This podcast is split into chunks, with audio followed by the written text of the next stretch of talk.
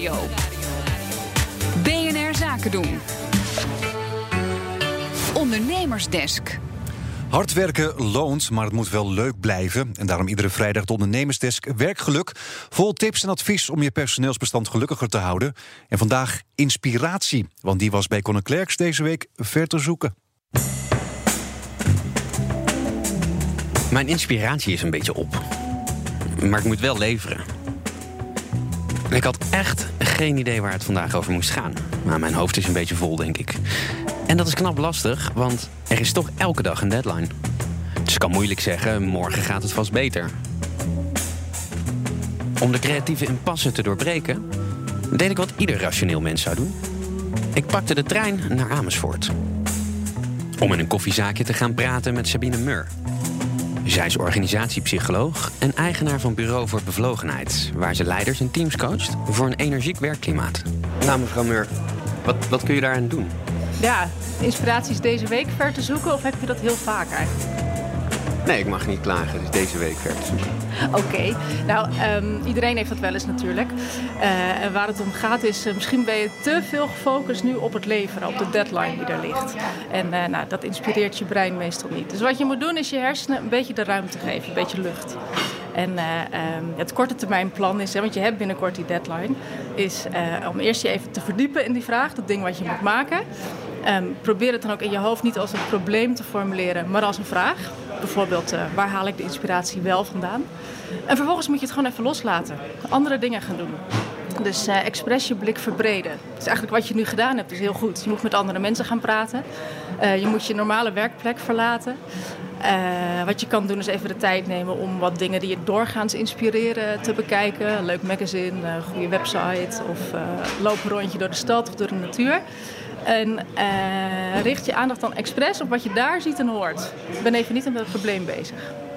En daarna ga je weer terug en uh, je zegt tegen jezelf: dit uur gaat het gebeuren. Je gaat ervoor zitten en uh, je schrijft of je maakt of je doet wat je moet doen. En je gebruikt alle prikkels die je verzameld hebt toen je even aan het uitwaaieren was, zeg maar.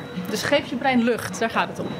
Maar dan ga je dus wel eerst tegen, eigenlijk tegen jezelf uh, laat het los en ga weg. Uh, ga je iets anders doen, maar je komt terug. En dan moet je dus wel een harde deadline voor jezelf stellen. Nu moet het gebeuren, zegt u. Ja, ja wat mij betreft dat is echt een drietrap. Je begint met je eerst even heel goed focussen op dat probleem. Inspiratie of niet, je moet gewoon uitzoeken wat er moet gebeuren. Vervolgens laat je het expres los en uh, verbreed je je blikveld. Um, ja, en daarna zul je weer moeten focussen.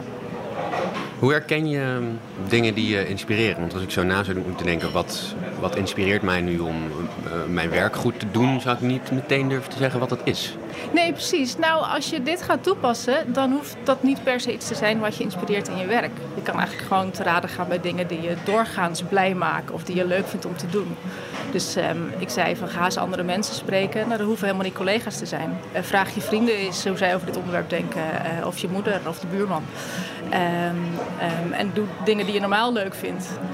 Uh, dat slaat tijdschriften over waar je normaal vrolijk van wordt. Of uh, ik zelf ga, neem wel eens de tijd om even wat kunst te bekijken, of een gedicht te lezen, of inderdaad even te kletsen met de buurvrouw. en die input neem ik dan weer mee.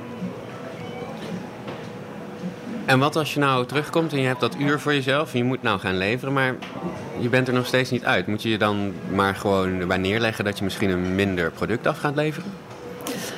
Um, ja, ja, voordat dit product wat nu moet gebeuren, helpt het denk ik wel om je lat dan omlaag te leggen. Ja. Want als je steeds tegen jezelf zegt het moet nu en het moet heel goed, ja, daar ga je van op slot. Dus misschien helpt het wel om gewoon te zeggen oké, ik doe het gewoon goed genoeg en dan komt het wel. En er is trouwens ook nog, hè, dit verhaal gaat over als je het nu, het moet toch morgen af.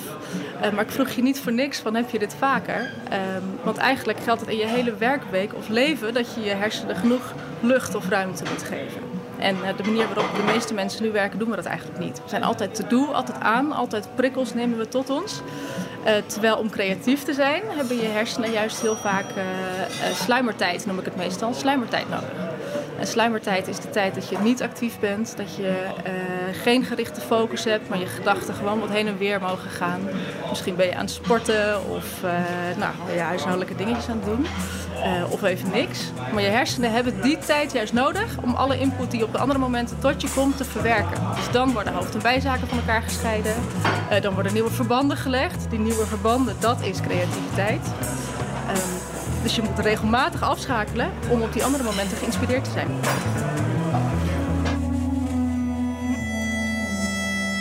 Het was een bijdrage van Conor Klerks. Ondernemersdesk Werkgeluk wordt mede mogelijk gemaakt door Effectory. Effectory. Listen, learn, lead.